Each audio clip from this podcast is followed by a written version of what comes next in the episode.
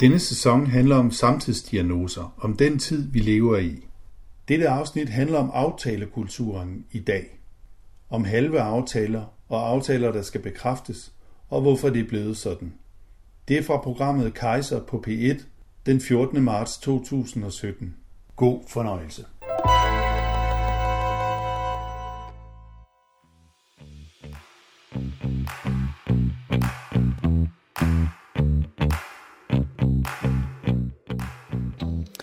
Skal du lave mad til 10 eller 15 personer? Og kan du nu også være sikker på, at dine gæster kommer til aftalt tid? Måske du selv er den holdning, at en aftale er en aftale, men det er langt fra alle, som deler den holdning. Læger, restauratører og frisører oplever i stigende grad, at vi ikke møder op til tiden, mens undersøgelser viser, at flere af os oplever at blive brændt af med jævne mellemrum. Men hvorfor pjekker vi for aftaler, og hvad betyder det for vores relationer til hinanden? I dagens udgave af Kaiser taler vi om aftalekultur, og jeg lover dig, programmet bliver ikke aflyst. Jeg hedder Anne Kaiser. Velkommen til.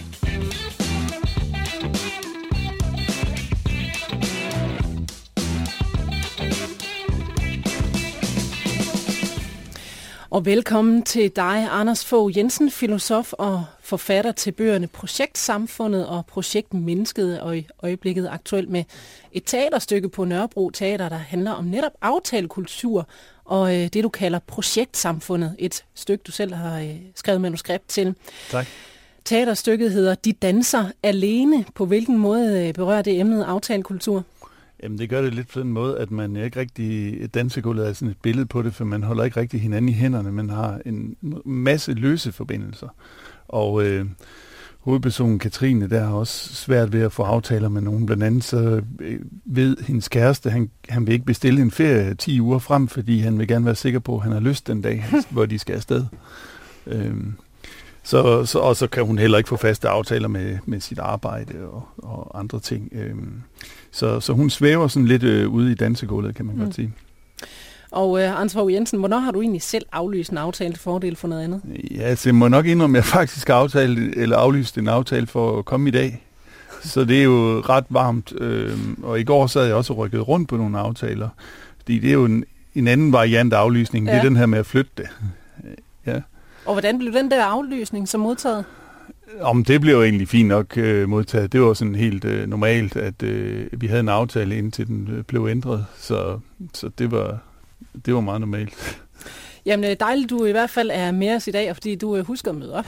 Ja, jo, tak. og også velkommen til dig, Anne-Marie Dahl, fremtidsforsker, forfatter og foredragsholder.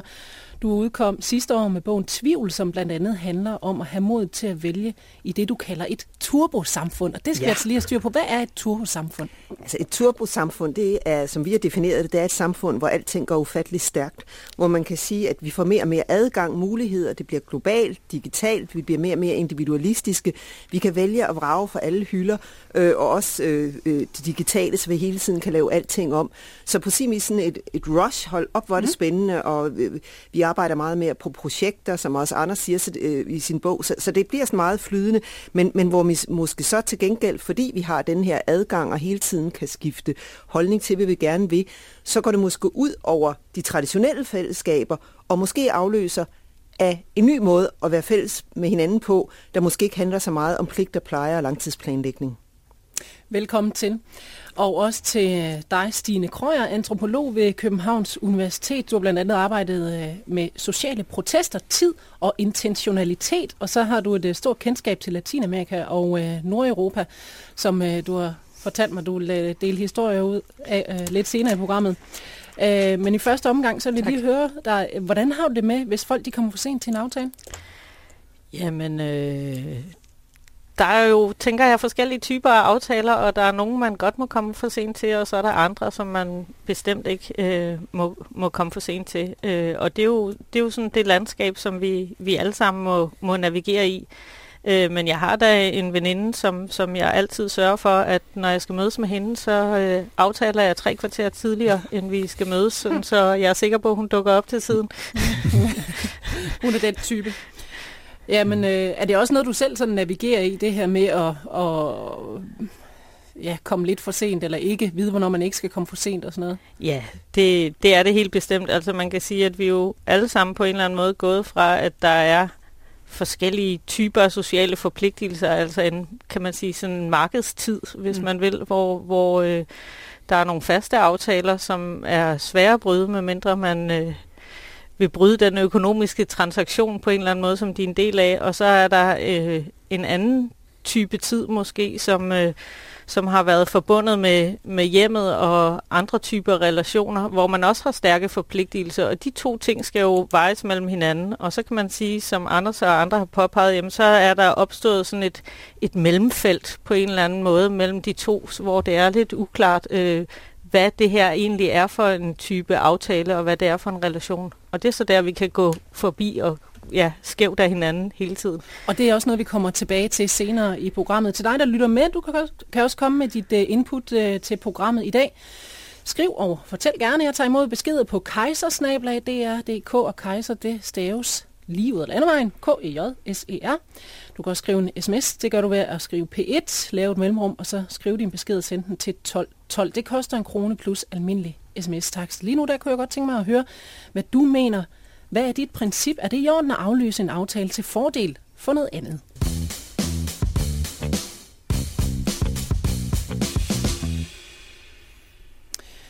Vi fylder kalenderen til randen og brænder hinanden af hver eneste dag. Vi er hinandens offer i en form for online menneskehandel. Det bliver de sårede følelsers markedsplads. Sådan lyder det indlæg, som vores øh, næste gæst skrev til politikken sidste år. Velkommen til dig, Emil Slot Andersen. Ja, tak for det. Med på telefonen der, håber vi alle sammen kan høre, hvad du siger. Du studerer statskundskab på Københavns Universitet og skrev i sommer et indlæg med overskriften Vi unge har mistet respekten for aftalen. Et indlæg, der siden han er blevet delt flittigt på øh, de sociale medier.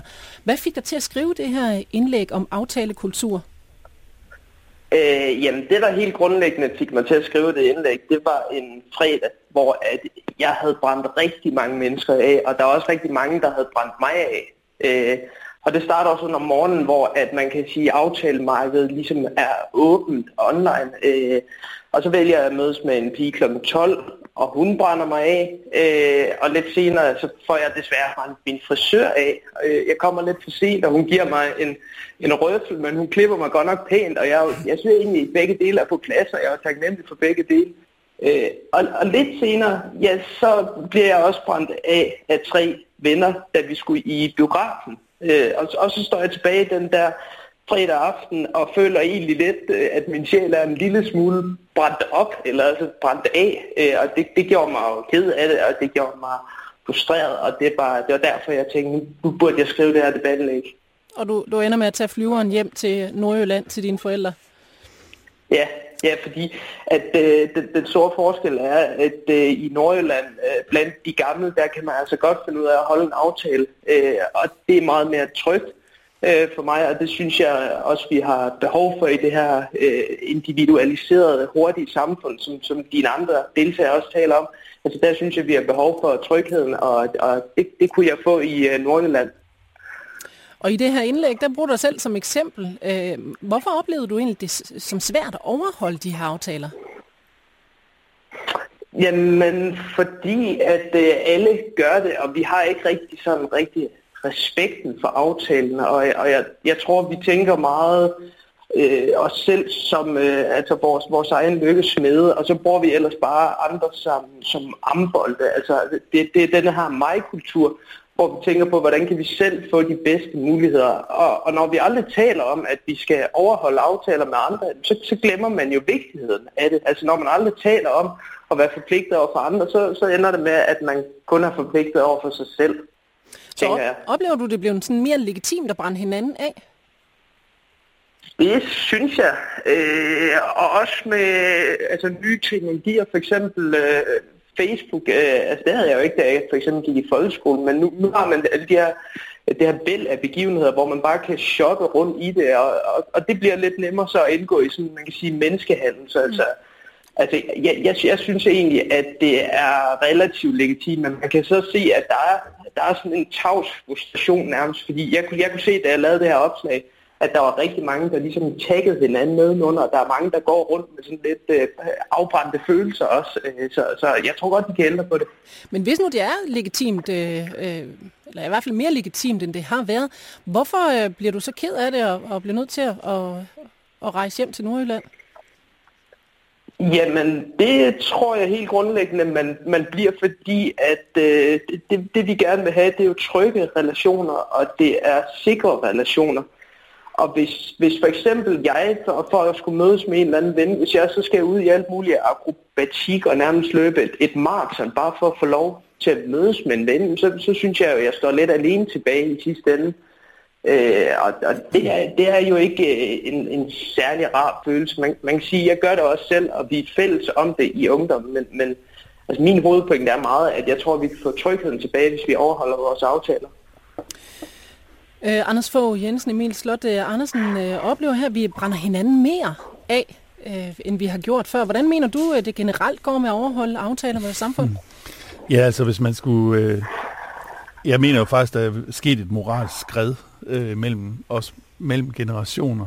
Øhm, men hvis man skulle være lidt mere lojal over for det, så kan man sige, at, at man er blevet mindre villig til at gøre det, man ikke har lyst til. Nu så, siger du øh, ja. mellem, mellem generationer. Hvad vil det sige? Øhm, jo, Emil nævner jo også, at han kan tage hjem til sine forældre. de, dem kan han godt lave en aftale med.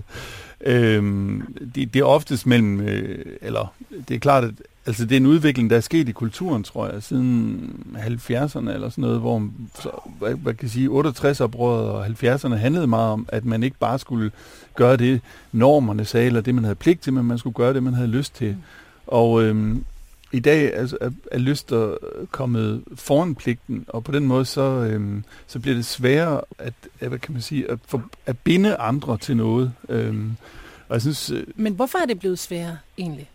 Øhm, jamen, det er blevet svært at kræve af andre, at, de, at, de, at, øh, at man har en fast aftale. Altså hvis, øhm, hvis der er nogen, der er svært at lave aftaler med, Stine sagde det egentlig meget godt lige før, så enten så prøver man længe før at, at låse en aftale. Og hvis, hvis det ikke lader sig gøre, så kan det nogle gange lade sig gøre helt up front, når mm. de ikke længere har andre muligheder. Det er fordi, vi, vi er begyndt at kigge på, er der egentlig noget, jeg hellere vil? Og det kan jeg jo ikke sige nu.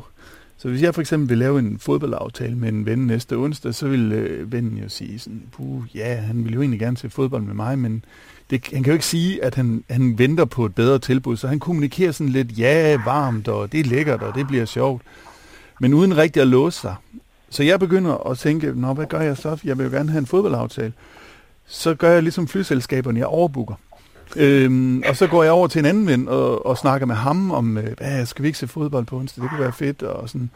Så har jeg to halve aftaler, som det hedder. Det vil sige, at jeg har 75% chance for en... Hvis, hvis de så begge to bliver til noget, så aflyser jeg den ene. Men hvis nu mine venner tænker også i overbookning, så de også begynder at lave flere aftaler, ja, så stiger ubestemtheden i systemet. Så, der, så, så til sidst så har vi sådan noget, hvor man faktisk ikke ved før en halv time før, hvad der bliver til noget.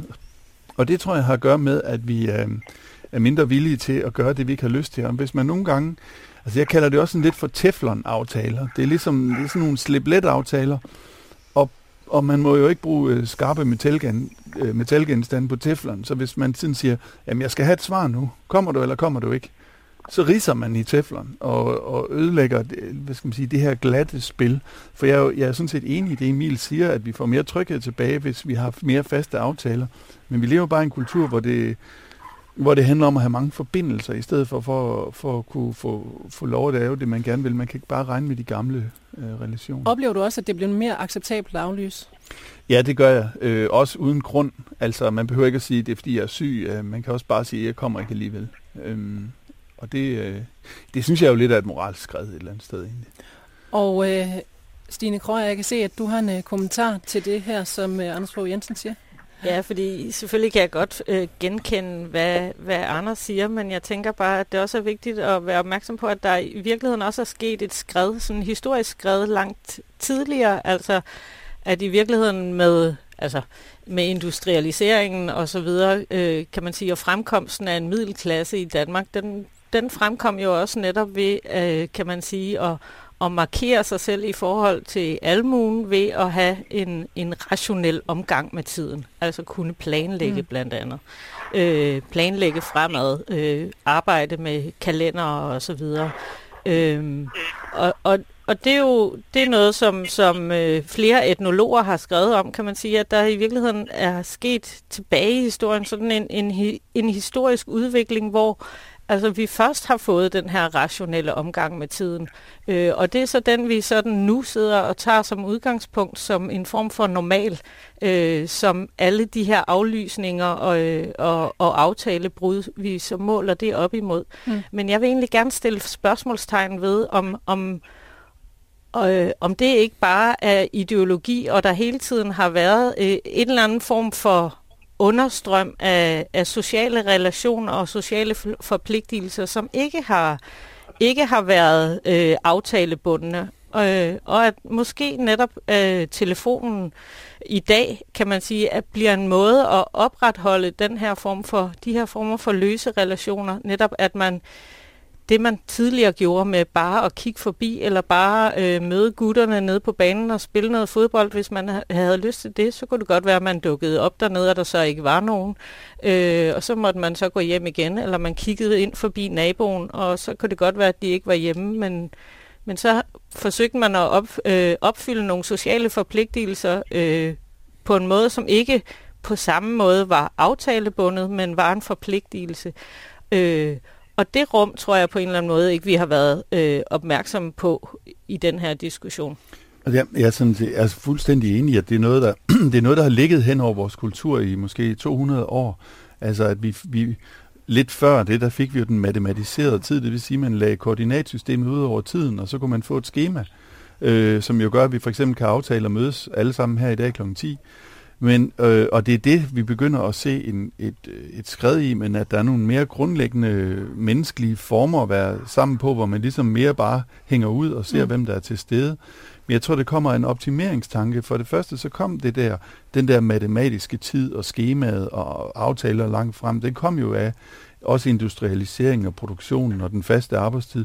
Og nu ser jeg bare, at det er som om, at vi prøver at optimere en gang til, ved at, at, at flytte rundt på aftaler og kun gøre det, vi har lyst til. Så jeg, jeg tænker egentlig ikke, at det, at det bare er en tilbagevenden til gamle dage. Det er også en, en forsøg på at optimere i forhold til det lidt stive system. Ja. Emil øh, Slot Andersen, jeg skal lige have fat i dig igen. Øh, jeg har lige hørt dig, har det haft betydning for dine relationer, at I brænder hinanden af så op, som, øh, som du beskriver i, i den her klum her? Øh, ja, det synes jeg helt klart, det er. Øh, og, og jeg vil altså jeg synes, det har haft betydning, og jeg vil også sige, jeg synes ikke, at vores nuværende aftalekultur på nogen måde er optimal eller effektiv for os. Øh, men, men en lidt anden tendens, som man også kunne tage fat i blandt unge, det er, at vi skifter ret hurtigt venner ud øh, nærmest lige så, lige så hurtigt, som vi skifter underbukser ud. Øh, og det kommer desværre altså også til at ske, hvis ikke vi kan overholde vores aftaler, fordi altså min rene og rå erfaring, selvom jeg har mange gode gamle venner, øh, min, min erfaring er, at hvis der er nogen, som ikke rigtig lever op til aftaler, og det sker gentagende gange, så gider jeg simpelthen ikke at mødes med dem. Øh, så på den måde har det både betydning i forhold til, at vores relationer bliver mere usikre, og vores relationer de bliver simpelthen også opløst og smidt væk. Er du så selv blevet bedre til at overholde aftaler, efter du skrev et indlæg her? Ja, altså nu, nu, nu skulle jeg jo faktisk uh, have mødtes med, med min uh, læsegruppemakker lige nu, men uh, nu skulle jeg jo i radioen, ligesom uh, nogle af de andre også påpeger, at de også skulle, ja. men, men, men det havde jeg dog lige skrevet til hende på forhånd, og, og, og jeg, oplever så, jeg oplever også, at uh, hvis jeg ikke møder op til en aftale, så smider folk simpelthen mit indlæg lige i fjeset på mig. Så øh, overordnet set, jeg er blevet meget bedre. det er slet ikke så svært at overholde aftaler, og det gør rigtig meget godt for os, så jeg vil opfordre alle andre til at gøre det samme. Jamen øh, Emil, øh, jeg skal ikke stjæle mere af din tid, så du må hellere komme afsted til læsegruppe. Tak fordi, at vi måtte ringe til dig. Ja, det er jeg glad for. Og, øh, Selv tak. Og så vil jeg lige tage en sms her, som er kommet ind. Det hænger vel meget godt sammen med, at værdier som respekt og omtanke for andre mennesker ikke har været en naturlig del af min unge generations opdragelse. Der er for stor fokus på de unges behov, lyst, tilfredsstillelse og den moderne verdens hungeren efter fleksibilitet. Vi har glemt at sætte rammer og tydelige krav til de unge mennesker. Vi har glemt at opdrage dem ordentligt. Det mener jeg er det største omsorgsvigt, den såkaldte køling-generation har været udsat for. Med venhilsen Josefine på 22 år, nordjyske rødder endda og psykologistuderende. En undersøgelse lavet af Megafon for politikken viste, at hver tredje dansker oplever, at flere i dag end for 10 år siden melder afbud til aftaler, fordi et bedre tilbud dukkede op. I samme undersøgelse svarer hver tiende, at de inden for det sidste halve år selv har prøvet at melde afbud til en aftale. Øhm, og Anne-Marie Dahl, fremtidsforsker, vi skal lige have dig på banen her også. Øh, hvorfor tror du, at flere i dag end tidligere oplever, at aftaler bliver afløst? Øhm, jamen altså, dengang jeg var ung, så var der en gammel klog kone, der sagde til mig, at du skal aldrig vente, aldrig vente mere end fem minutter på en mand, for hvis han vil noget, så må han sørme holde sig til.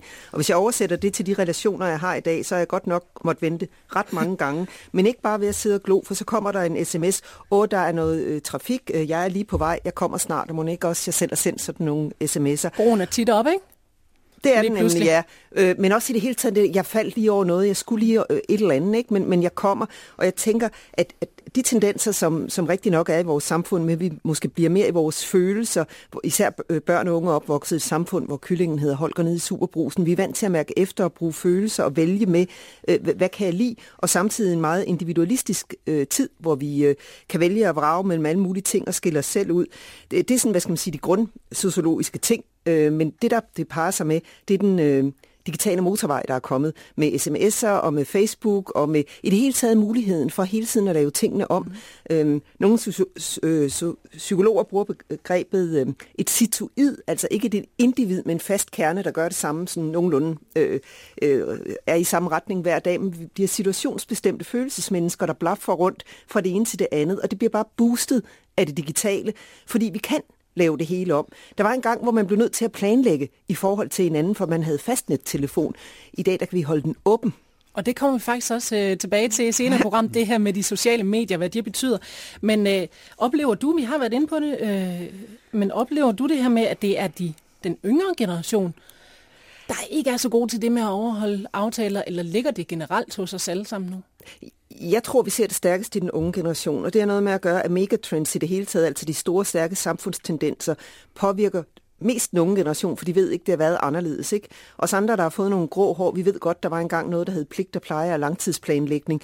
Så vi ved godt, at vi måske forandrer i forhold til noget, men, men når jeg er ude og holde processer omkring fremtidens deltagelse og i frivillige foreninger og den slags ting, så hører jeg også, at det er et problem nu også i øh, øh, ældreklubber, at, at øh, der er så meget, øh, skal, skal vi til golf, skal vi passe børnebørn, have mere lyst til at sidde derhjemme øh, og hygge med en bog, så er der ikke den der helt forbundethed med, at man kommer hver onsdag, fordi man har meldt sig til mm. gymnastik. Så det breder sig lidt ud? Jeg tænker, det breder sig, ja.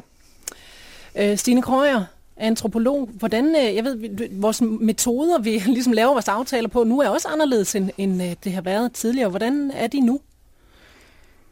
Det, det her med at lave de løse aftaler, de forpligtende aftaler. Jamen det, har, det synes jeg jo, Anders har, har, har beskrevet meget glimrende, og, og der er jo klart kommet det her lag af, af teknologi ind, men jeg har lyst til at sige til, til noget af det andet, der er blevet sagt øh, lige nu, at, at at det her med, om lysten er sat foran pligten, og om vi kun er, er eller om unge mennesker kun er individualister i deres sociale relationer, øh, det tror jeg ikke er rigtigt. Altså jeg tror, øh, mange unge mennesker oplever sig bundet ind af ret mange pligter. Det synes jeg, jeg kan se blandt mine studerende på universitetet. Øh, og så er der selvfølgelig et, et rum af lyst og sociale relationer, som er lystbetonet. Og ja, der er, øh, der er mulighed for øh, at rykke rundt, øh, men tror jeg også, at man skal se det som, som en, et forsøg på i virkeligheden at have et frirum fra de mange aftaler, altså at der er øh, et at der skal være et rum for sådan tvangsfri samvær, hvis man skal sige det på den måde. Men problemet er selvfølgelig med teknologien, at der får man så bundet nogle andre ind i de her relationer og, og kommer til at kommer til at stå på hold, men det har vi nok altid gjort. I min ungdom stod man nede på gadehjørnet og ventede indtil de dukkede op, mm. kan man sige, øh, øh, eller, eller noget andet. Øh. Ja, og øh, Anders Fogh ja, Jensen? Jeg, jeg går, inden vi måske kommer for meget øh, over i det der med teknologien, så synes jeg, at der er et tema faktisk, som er lidt øh, underbelyst her, og det er noget med, at der faktisk er hierarkier. At selvom vi er gået fra faste relationer til mange forbindelser, som Emil antyder, så er det faktisk sådan, at hvis du er fed, så kan, så kan folk sagtens holde din, øh, opretholde over, øh, aftalerne med dig. Ikke? Altså, vi er to, der har aflyst her øh, for at komme i radioen i dag. Det må jo betyde, at, øh, at øh, journalisterne er vigtigere end vores venner. Øh, I hvert fald sådan lige i dag. Ikke? Så hvis man, hvis man ellers er, er en, der er ovenpå, og en, der kan skaffe andre ting noget, jamen så, så kan folk sagtens holde aftalerne. Det er jo sjældent, folk aflyser, når de skal til jobsamtale, for eksempel. Det er rigtigt. Der er lige kommet en, øh, en øh, besked, jeg lige vil øh, læse op. Kære kejser, da mobiltelefonen kom ind, forsvandt vores evne til planlægning. Man har en aftale til noget mere interessant dukker op, hvor efter et telefonopkald flytter eller aflyser den oprindelige aftale. Meget få lægger et schema for dagen, der er tillid til, at, øh, til, tillid til, at vi holder øh, da andres input put rykker brækkerne rundt. Jeg har droppet mobiltelefonen, det skriver Martin fra eller Martin Viby. Øh, og så er vi måske også tilbage til det her med de, de faste og lidt mere løse aftaler. Øh, Stine Krøyer, hvordan kan vi kende forskel på, altså hvornår vi synes, at en, en aftale er meget forpligtende, øh, i forhold til det med de løse. Og, og, og sådan, vi, vi laver en aftale med nogle mennesker. Det kan jo være, at aftalen er meget vigtig for dem, og knap så vigtig for, for os. Hvordan navigerer man ligesom i det? Ja, det er jo også det spændende, for det er jo det, der er utrolig svært, kan man sige, at, at finde ud af, hvornår aftaler er, er faste, og hvornår de er løse. Der er jo klart, kan man sige, nogle af de der klassiske markeds relationer, som øh, som arbejdet øh, og, og, og flyveren, der går og andre ting, de, den slags aftaler øh, kan man nok godt øh, i høj grad finde ud af at, og, øh, og overholde. Og så er der nogle lø, mere løse, hvor det jo i virkeligheden er, hvad skal man sige, tradition, øh, kan man sige, i relationen, som afgør, om man, øh, altså at man efterhånden opbygger et form for kendskab til hinanden og nogle gensidige mm. forpligtelser, mm. øh, som gør, at man finder ud af, hvordan skal, hvordan skal den her løse aftale, hvordan skal den, øh, den her løse relation og løse forpligtelse, hvordan skal den tolkes i, i den her sammenhæng? Og det er der jo det er der jo stor forskel på, og så er det måske, at det bliver mere vanskeligt, når øh, Altså hvis man har rimelig faste relationer, så er man efterhånden også vant til, hvordan de her aftaler, de skal tolkes i de relationer. Men hvis man har flere skiftende relationer, jamen så er det så, at, at, at, der, at tingene, at man går fejl af hinanden, ja. kan man sige. Og, og det kan man jo gøre et vis antal gange, men, men vi ved også alle sammen, at hvis man øh, brænder hinanden af, som Emil snakkede om for mange gange, jamen øh, så, øh, så bryder man jo også øh, eller slider sine sociale relationer ned. Så går det ud over øh, relationen. Øhm, og øh, Anne-Marie Dahl, øh, fremtidsforsker, jeg skal lige øh, vi kommer lige til det her med Facebook igen og de sociale medier. Du var lige inde på det før. Det har nogle negative konsekvenser for, for vores måde at passe en aftale på. Men er der ikke også øh, nogle positive muligheder at, øh, i det, at vi sådan, uden problemer altid kan komme i kontakt med hinanden? Jo, jeg synes jo, det er fantastisk med de sociale medier og Facebook og sms'er, og jeg skal komme efter dig, fordi her opstår muligheden for det nye sociale. Det kan godt være, at vi blev lidt illoyale på mange måder, med at vi øh, sapper rundt og mangler sådan en, en digital magad for, hvordan man opfører sig godt over for hinanden. Det er gået så stærkt med udviklingen af øh, den teknologiske adgang til hinanden, så vi måske ikke har fået et normsæt, der naturligt følger med. Men når man så ser på det positive, så, øh, for nu blev der før sagt, at det der med, at de unge var individualistiske. Mm. Jeg mener, der er mere til det, for jeg mener faktisk, at de er individualister på en ny måde, de sociale individualister, fordi de søger også noget nyt socialt på en anden måde. Det kan godt være, at det ikke er pligt og plejer og langtidsplanlægning, og man kan regne med sådan en fast aftale. Til gengæld så åbner de sociale medier op for en ny måde, hvor vi lige pludselig øh, inviterer der nogen, der vil med ned og kælke om en time øh, nede i øh, parken. Totalt inkluderende, fordi alle kan faktisk være med, så det vil sige, at, at der opstår nogle, nogle mere løse sociale rum, hvor man kan være intenst med for en tid. Og det er selvfølgelig, man kan sige, jamen, er det så fint, for det er jo ikke øh, forpligtende, og, og, og det er ikke langtidsplanlægt, men der er måske nogle nye muligheder for for nogle unge også til at komme med, og altså ældre begynder også at bruge det. Jeg synes, eksemplet i sommer med Pokémon Go, hvor lige pludselig man så alle mulige forskellige mennesker, altså vildt forskellige mennesker rende rundt og jagte de her Pokémon, og det var både de unge smarte fyre, men der var også nogle halvtykke piger og nogle ældre koner som mig. Et vidunderligt fællesskab, der opstår digitalt, men som selvfølgelig ikke er det der veje forpligtende, men, men, men det er mere det, som øh, sociologen Bagmand kalder for knagefællesskaber, hvor, hvor du har en knagerække, og, og så hænger du der på nogle knager for en tid, og det er selvfølgelig ikke så forpligtende, og man kan ikke regne med, at man kan læne sig op af det på en dårlig dag, men, men jeg synes også, det er spændende. Det nye sociale, der opstår, det skal vi også have med.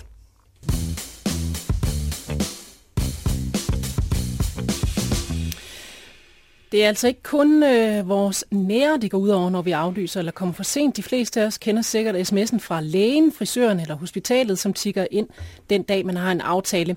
Flere spisesteder er nu begyndt at opkræve betalingsgebyrer eller pjekkebøder, når kunderne bliver væk uden at have meldt afbud. Det er nemlig et stigende problem, at vi bare bliver væk. Og med mig på øh, telefonen har jeg nu caféejer Brian Sørensen. Hej med dig. Hej med dig.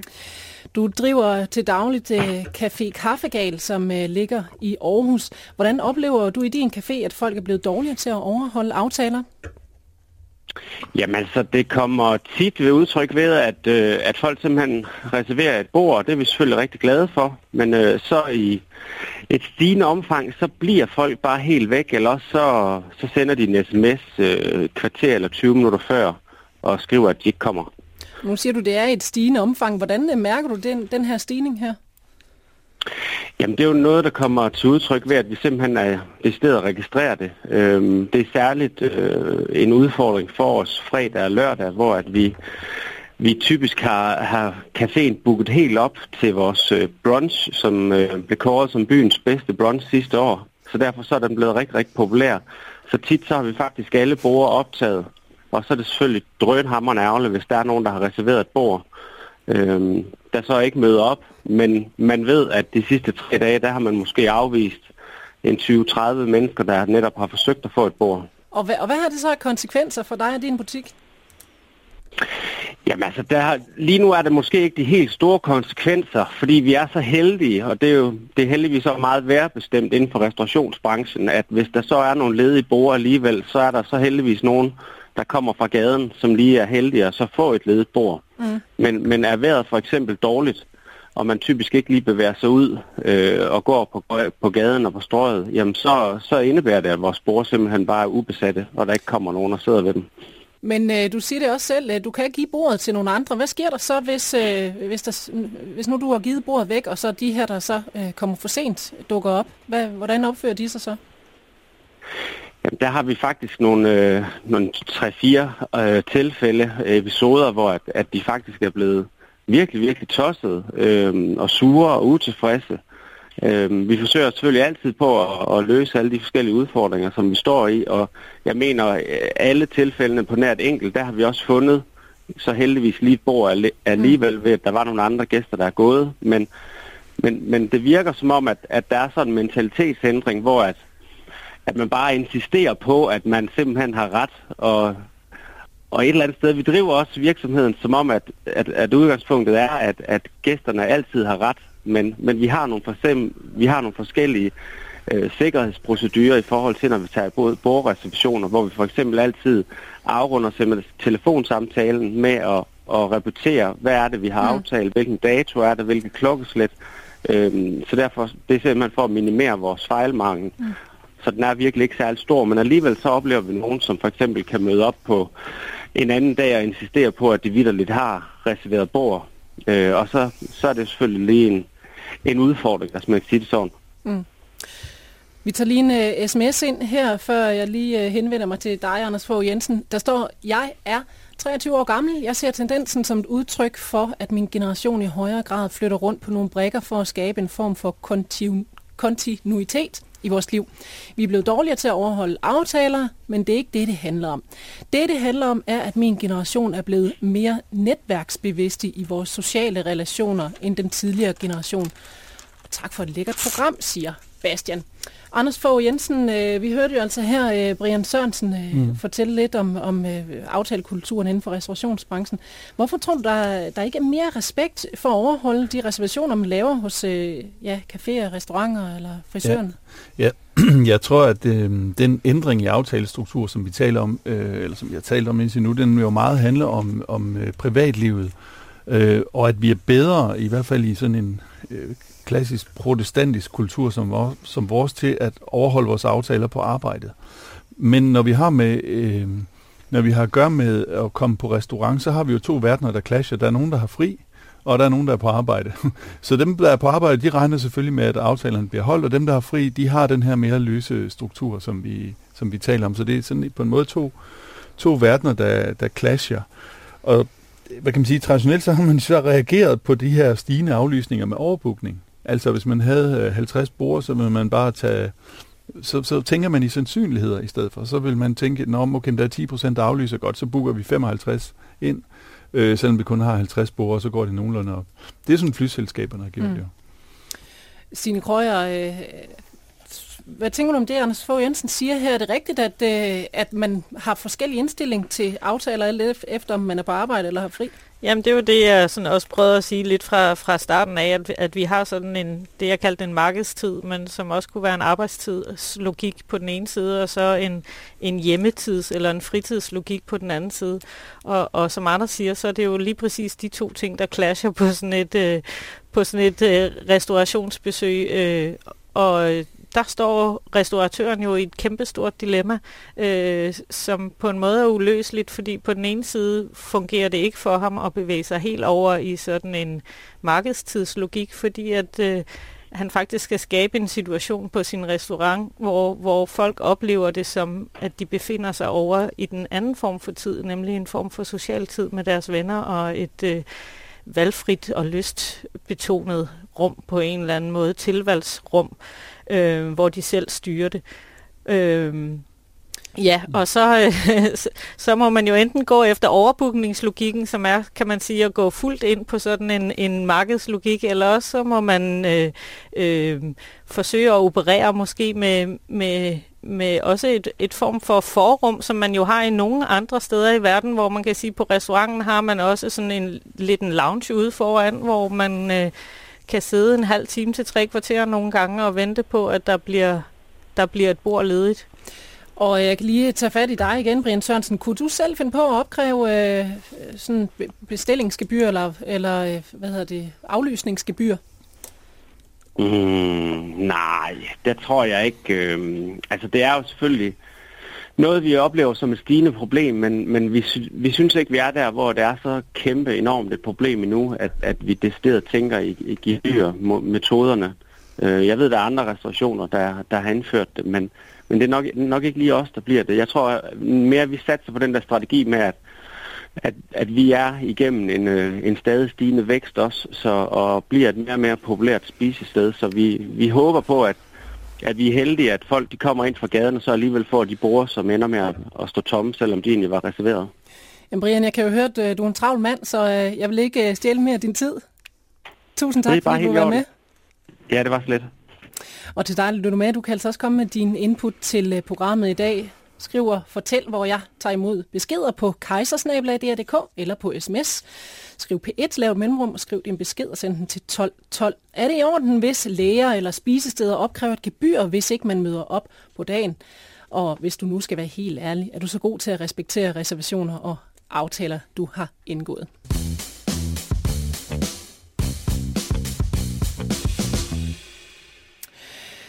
Nu har jeg fået endnu en øh, gæst med mig her i studiet i Aarhus. For øh, indtil nu har vi kun talt om, hvordan den danske aftalekultur ser ud og har ændret sig. Men måske er vi også bare som danskere mere tilbøjelige til at planlægge alting. I hvert fald skal vi nu tage et kig mod udlandet. Velkommen til dig, Mette Mør Slytter. Tak. Du er antropolog og har for kort tid siden været i Grønland i forbindelse med et projekt om fødselsdepressioner. Og her fandt du ud af, at grønlandske kvinder i mindre grad end danske kvinder oplever at få fødselsdepressioner. Og det har rent faktisk noget at gøre med det, vi taler om i dag. Hvordan øh, det har det, har, hvad har aftaler risiko for fødselsdepressioner med hinanden at gøre? Altså, det har lidt noget at gøre med at øh, være i stand til at slippe kontrollen, øh, og ikke prøve på at forudsige eller forestille sig, hvad der skal ske. Øh, når man som dansk kvinde bliver mor, så kan man godt opleve, at den kontrol, man har haft i sit liv indtil nu, den fuldstændig bliver umulig at, at vedligeholde, fordi at der pludselig er et barn, der skider og bliver syg og, og ikke, altså ikke har noget ur. Men hvad øh. har det med aftale-traditioner at gøre? Det er jo nok, om man, om man forestiller sig, at man kan planlægge noget. Altså forestiller man sig, at man kan øh, sige, at tingene skal ske på en bestemt måde og på et bestemt tidspunkt. Og hvordan, øhm, øh, hvordan oplevede du så, at øh, man lavede aftaler på Grønland? Jeg oplevede, at aftalerne i højere grad ligesom blev udført, imens de blev lavet. Øhm, jeg skulle på sæljagt på et tidspunkt, og jeg elsker kontrol og planlægning, og øh, skrev hver dag en uge om, at vi nu kunne komme afsted den dag, onsdag. Øh, og jeg tjekkede vejrudsigten og sagde, at det ser ud til at blive godt vejr. Og ham, jeg skulle afsted med, blev ved med sådan lidt at trække på skuldrene og være sådan lidt, ja, nu, nu ser vi, og øh, han siger imacha, det betyder måske. Og det er meget typisk øh, svar, når man prøver på at planlægge noget. Øh, og det var først på dagen, hvor han kunne tage ud og kigge på vejret fra sin helt særlige øh, vejrstation, at han ligesom svarede på, at nu kan vi se om en halv time, og så sejler vi ud øh, og jagter de sæler. Øh, men hvis vi lige kigger på det her med, med de grønlandske kvinder og fødselsdepressioner, hvordan ja. opdagede du så, at der var en sammenhæng mellem fødselsdepressioner, eller fraværet af dem, øh, og så øh, det her med at lave aftaler? Altså jeg oplevede jo helt konkret, at, at øh, de aftaler, jeg prøvede på at lave øh, om interviews og så videre, de blev aflyst og forstyrret af, at der var børn, men at møderne ikke på... Altså, de havde ikke dårlig samvittighed over det på samme måde, fordi at, men selvfølgelig, sådan er det at blive mor, og sådan er livet. Livet er uforudsigeligt, og øh, det er dumt dristigt at tro, at man kan planlægge, øh, at der skal ske noget på et bestemt tidspunkt, ja. Så det er et helt andet mindset, kan man sige, at øh, grønlænder har i forhold til øh, dansk pligt. Ja. Stine Krøyer, du har som øh, antropolog beskæftiget dig meget med samfundsudvikling under noget varmere himmelstrøg øh, end det grønlandske, nemlig i flere sydamerikanske lande. Hvordan forholder man sig her til begrebet tid? Øh, jamen, altså, jeg kan jo jeg kan godt genkende meget af det, der lige bliver sagt. Øh, men øh, ja, jeg, jeg arbejder jo øh, i ekvadoriansk Amazonas, og øh, øh, hvor jeg også holder meget af, kan man sige, indimellem at tage på længere sådan øh, fiske- og jagtture inde i skoven sammen med nogle af de lokale indianere. Øh, og der oplever jeg ofte, kan man sige, at øh, at øh, min, selvfølgelig min mobiltelefon løber tør for strøm, så jeg har ikke længere øh, øh, styr på tiden, men øh, det, den lokale øh, shaman og familie overhovedet, han, øh, han sørger altid for at have et ordentligt ur med, så øh, han bliver ligesom øh, turens turens øh, tids, tidskeeper, men, øh, men selvfølgelig er, er det relativt begrænset, hvornår der er behov for at følge sådan en, en klokketid, kan man sige, derude i skoven. Der er der jo alle mulige andre ting, ting på spil. Øh, det er først, når man, når man kommer ind igen, og måske skal nå bussen eller andre ting, at, at, at, man, har, at man har brug for at følge med øh, på uret på den måde. Men jeg kan sagtens genkende det her med, at, at det kan være ret svært at, at lave aftaler, øh, hvis man kommer med sådan et ønske om, Nå, nu skal vi lige... Øh, nu skal vi lave et interview i morgen, og så siger alle, så siger de, ja, ja, men du kommer bare forbi. Jamen, så gør jeg det. Og så når man kommer forbi, så er folk øh, taget på jagttur. Og, og det er jo igen, kan man sige, fordi det her med, at altså, det minder jo på mange måder også om, hvordan der, jamen, der er nogle andre sociale forpligtelser, som er vigtigere end lige at dukke op til til det her interview med den besøgende antropolog. Øhm, nemlig at, at der kom en vildsvine flok forbi, og så må man ud og så må man ud og jage den for at skabe noget, skaffe noget, skaffe noget kød til familien. Øhm, men det betyder jo ikke, at folk ude ikke, øh, ikke kan passe tiden. Men hvad så øh, med de aftaler, de laver indbyrdes med hinanden? Øh, øh hvordan forholder de sig til dem? Jamen, der er jo også igen faktisk, altså for mig er det på en måde ikke så for, altså ikke så anderledes. Det kan være en form for prisme, hvor man næsten kan se nogle af de ting, der også er spil, på spil herhjemme, med at man, øh, at man på den ene side er der nogle typer aftaler, som, øh, som også er med vigtige sociale forpligtelser, som man er nødt til at overholde. Øh, og så er der andre typer aftaler, hvor øh, ja, som ligesom kan blive overrulet af andre typer forpligtelser, om man, om, om man vil. Øhm, og, og, og der kan jo godt være nogle ting, som for os vil være øh, vil være vigtigt, at man dukkede op til det rigtige tidspunkt. Et møde for eksempel. Der har jeg tit øh, befundet mig til sådan nogle indianske store møder, kan man sige, i, øh, øh, hvor man godt kunne komme en halv dag for sent. Men det vidste alle, så derfor kom alle en halv, sådan omtrent en halv dag for sent. Jeg vil gerne lige komme med et lille eksempel, øh, jeg selv har oplevet i, i Argentina, hvor jeg var i 2011... Øh, lavet et tv-projekt i, i Argentina, hvor vi altså var mange mennesker på den her produktion her. Og det var, det var det halvt dansk og halvt argentinsk. Øh, og når man så spurgte de her argentiner, hvornår kan vi gå i gang med at optage, så var deres svar konsekvent 10 minutter. Øhm, og, og så satte vi os klar, om det er fint nok 10 minutter, vi skal jo ikke gå nogen steder. Det var, øh, jeg, har, jeg, vi oplevede ikke, at det var 10 minutter, det var altid mere end det. Så vi begyndte at tale om danske 10 minutter og argentinske 10 minutter. Og jeg synes faktisk, det var, det var, det var ret uartigt, kan man sige. Øh, ikke bare ligesom at forholde sig rigtigt til tiden, men øh, det er bare måden, man gør det på i, øh, i sydamerikanske lande. Jamen det er jo det, altså vi er jo så dybt forankret i den her planlægningstid og den her ideologi om, om, om rationel planlægning, så, så, så, øh, så vi bliver jo ret... Øh, vi bliver ret øh, pikeret over, når nogen ikke øh, øh, øh følger vores, kan man sige, når 10 minutter ikke er 10 minutter. Men, men jeg tror også herhjemme, der er 10 minutter heller ikke altid 10 minutter. Vi skal bare kigge lidt bedre efter for at opdage det. Ja, jeg synes, det er vigtigt, ja, det, der blev, Jensen, ja. det, det, der blev sagt før med kontrol i forhold til fødselsdepression ja. og sådan noget. Altså, jeg, jeg, jeg tænker, i det her aftale, hvis vi kan tale om, at der er et skred, der, der den, der har det sværest, det er autisten. Fordi det er den, der vil vide, hvad, skal der, hvad kommer der til at ske mm. lige om lidt. Og, og spørgsmålet er, hvordan man har det med det, afhænger nok af, hvor meget autisme man har i sig.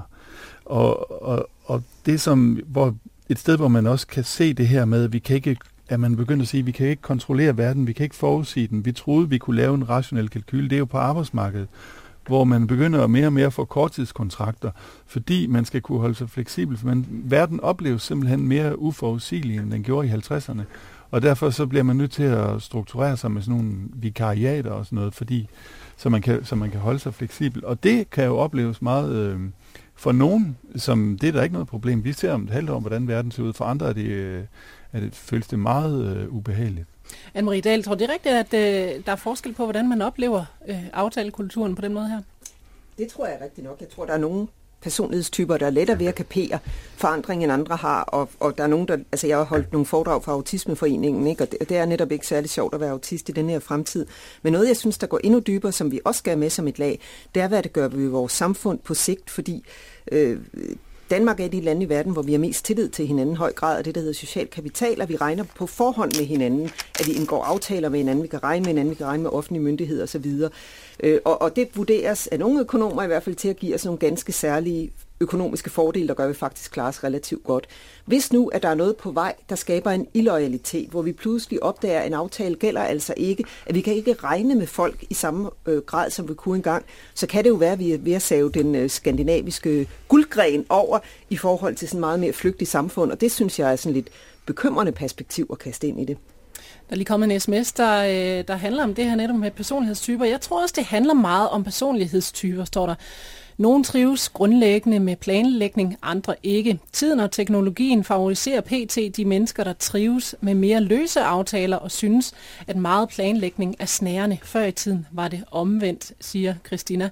Øh, og der kan der lige i, den, i samme åndedrag, Anne-Marie Dahl, for, fortælle dig, fortsætter, eller hvad hedder det, spørger dig om, om det så fortsætter sådan?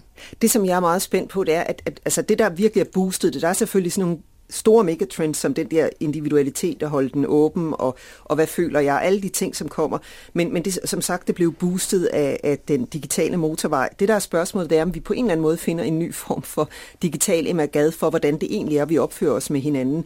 Og, og man kunne også godt få, altså jeg ser tendenser til nu, folk er ved at være trætte af den der, man aldrig rigtig kan regne med noget agtigt. Og, og så tror jeg også, at vi vil se flere og flere virksomheder, der begynder at indføre sådan nogle no-show-gebyr, fordi tid, det er jo også penge. Der er blandt andet et netværk i Aarhus, der hedder Headstart, der lige præcis har fokus på de nye sociale medier og hvad det gør ved os.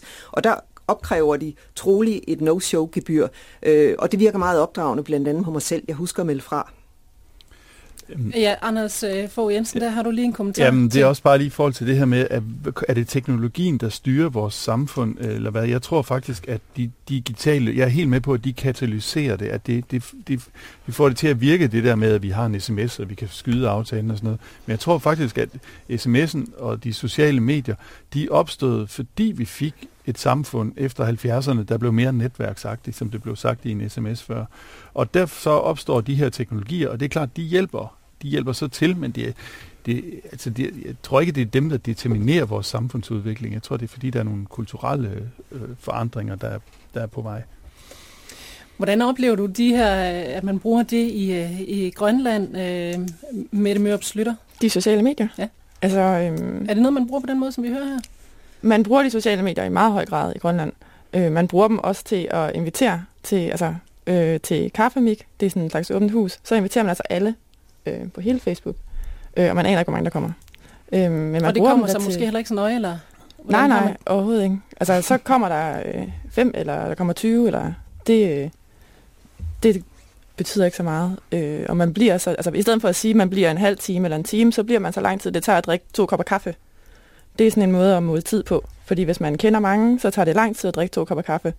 Og hvis man ikke kender så mange, så drikker man lidt hurtigt, og så kan man tage videre til en anden øh, kaffemik. Så det er ikke noget med 10 minutter eller lignende. Det er øh, to kopper kaffe. Har du lært noget øh, af din tid i Grønland øh, omkring det her med at, at holde aftaler, eller hvordan man forholder sig til at, at aftale ting med hinanden?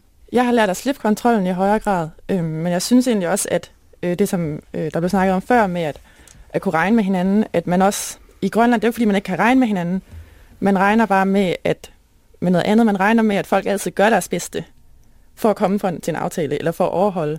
Så selvom man, altså hvis man ikke gør det, så er det fordi, der er en rigtig god grund til det. Øh, hvis nu vi kigger på så, ham, med, med, du skulle på sæljagt med, der kan man sige, at han blev ved med at trække den.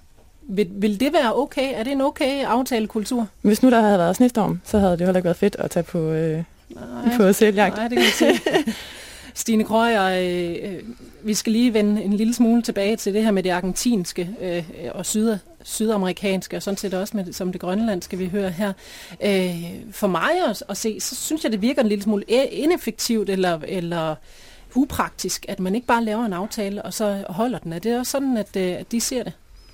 Ja, men øh, altså, der, det er jo nogle af de her steder, som i Grønland eller Amazonas, der er, vejret, der, der er det stadigvæk vejret, der styrer, kan man sige, øh, hvordan det er med, med tiden og med aftalerne og, og, og, og sådan nogle ting. Og det kan da godt være, at det er upraktisk, men det er nu engang, det er nu engang øh, sådan, det er. Og jeg tror, at der er en meget god pointe i det her med, at... Øh, at øh, ligesom blive opmærksom på nogle af de der rum, hvor, hvor vi ikke kan være, hvor vi ikke kan være de her planlægningsmennesker. Øh, øh, og mm. at, at, at det kan have, at den form for socialt samvær øh, også kan have en værdi og være værdifuld øh, på forskellige måder. Men nu er det jo ikke kun, øh, når man skal på vildsvinejagt og den slags, at øh, altså der, det er jo også i de mere civiliserede øh, øh, områder, for eksempel som jeg nævnte under ja. en stor tv-produktion, hvor vi altså er omkring 100 mennesker, der er afhængige af at, at skulle øh, lave noget tv. Øh, hvordan ser de på det der? Er det, ser de det ikke som upraktisk, eller er det bare den danske indgangsvinkel til det? Ej, men det er jo, altså det er jo det er klart, at både over generationer, øh, mellem generationer, eller mellem øh, land og by, øh, eller øh, mellem forskellige hvad skal man sige, kulturer som, eller tv-hold fra, fra forskellige lande, der kan det være svært at, at øh, blive enige om, hvad 10 minutter egentlig er for, for en størrelse. Øhm, øhm, og, og men det finder man jo ud af, hvis man arbejder sammen længe nok, så finder man jo ud af, hvordan de her 10 minutter øh, skal fortolkes. Og det, det er sådan set det, der også lidt af min pointe i forhold til meget af det andet, er jo, at, at de her aftaler er jo indfældet i forskellige former for sociale relationer, som vi, som vi hele tiden, ja, som vi hele tiden navigerer i. Nogle af dem er meget faste, og nogle af dem er, er mere åbne. Mm. Anne-Marie Dahl, der, der er en, øh, en sms her til dig. Ja. Du sagde nemlig også noget om, øh, hvordan det også udfordrer vores tillidskultur. Det mm. har øh, Mikkel, en lytter, skrevet om her.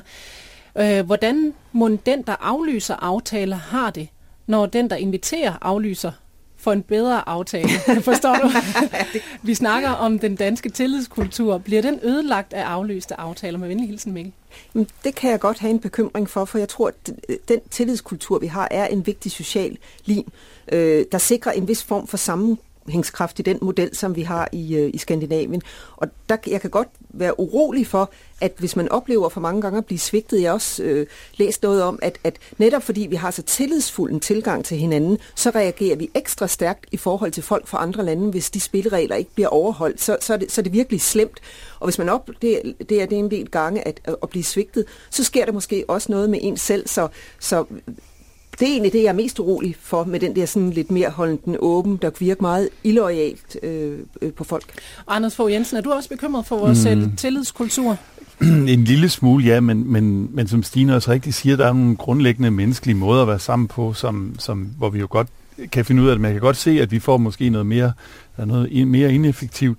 Og jeg synes, nu snakker vi meget om aflysning. Jeg synes faktisk ofte, at jeg oplever, at det er et problem, at jeg ikke kan få et ja eller et nej at, det, at, det, at, det, at sms'en bare venter og venter i døgn, uden at, øh, at der kommer et ja eller nej. Og det, øhm, ja, det, det, er, det bliver jo ineffektivt i sin egen forsøg på at optimere, når vi alle sammen forsøger at optimere.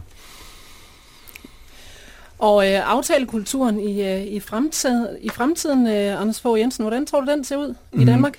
Jamen, jeg tror, at vi stadigvæk har det her sådan dobbeltsystem, hvor vi på den ene side kører sådan en meget øh, skarp kalender, og så får vi sådan en, så bliver den så bare meget mere fleksibiliseret, så den sådan hele tiden øh, flytter sig rundt. Øh, jeg, jeg er begyndt selv sådan med, med farver nærmest i min kalender og sige, okay, den her, den bliver ikke rykket, men den her, den kan blive rykket. Jeg tror, det bliver sådan noget. Så nogle forskellige koder for øh, vigtigheden af aftaler? Ja, måske, ja.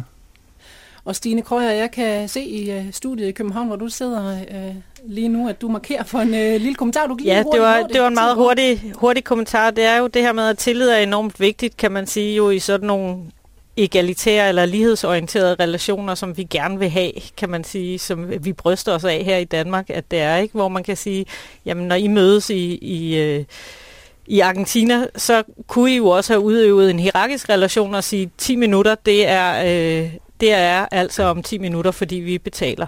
Øh, og og der, der må man jo vælge, kan man sige, øh, eller få valgt for sig, hvad det er for et system, man kører efter. En lille hurtig uh, slutkommentar fra Anne-Marie Dahl bliver det til, og ja. så er vores tid faktisk også gået. Jeg har interviewet en del unge mennesker omkring uh, de sociale medier og det her med aftaler, og, og det de ofte siger, det er, at de kan godt lide at holde den åben, og det synes jeg er et fantastisk udtryk, for hvis vi alle sammen gerne vil holde den åben, hvornår lukker vi så noget som helst? Det bliver den sidste ord øh, for i dag, for klokken den er ved at være 11. Med i programmet i dag var Anne-Marie Dahl, fremtidsforsker og indehaver af Futuria. Forfatter Anders Fogh Jensen, filosof og manuskriptforfatter til teaterstykket De danser alene. Stine Krøyer, antropolog ved Københavns Universitet. Og sidst men ikke mindst, Mette Mørup Slytter, også antropolog. Tak til jer. Tak fordi I overholdt vores aftale om at komme i dag. Det er jeg meget glad for. Kejser er tilbage igen i morgen, hvor det skal handle om den danske krammekultur. For det kan blive noget af en indviklet pattedø, når man skal finde ud af, hvordan man vil eller ikke vil hilse på hinanden. Hvis du har et bud på et emne, vi skal tage op her i Kejser, så er du meget velkommen til at skrive en mail. Det gør du på kejsersnablag.dr.dk på genhør.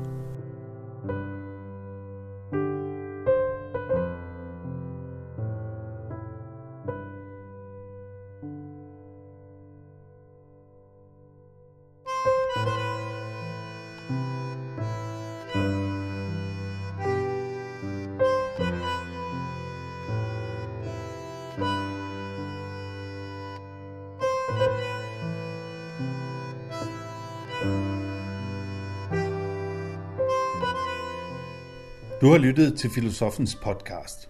Se mere på min hjemmeside filosofen.dk og tag med mig på dannelsesrejse. Se dannelsesrejser.dk. Mit navn er Anders Fogh Jensen. Tak fordi du lyttede med.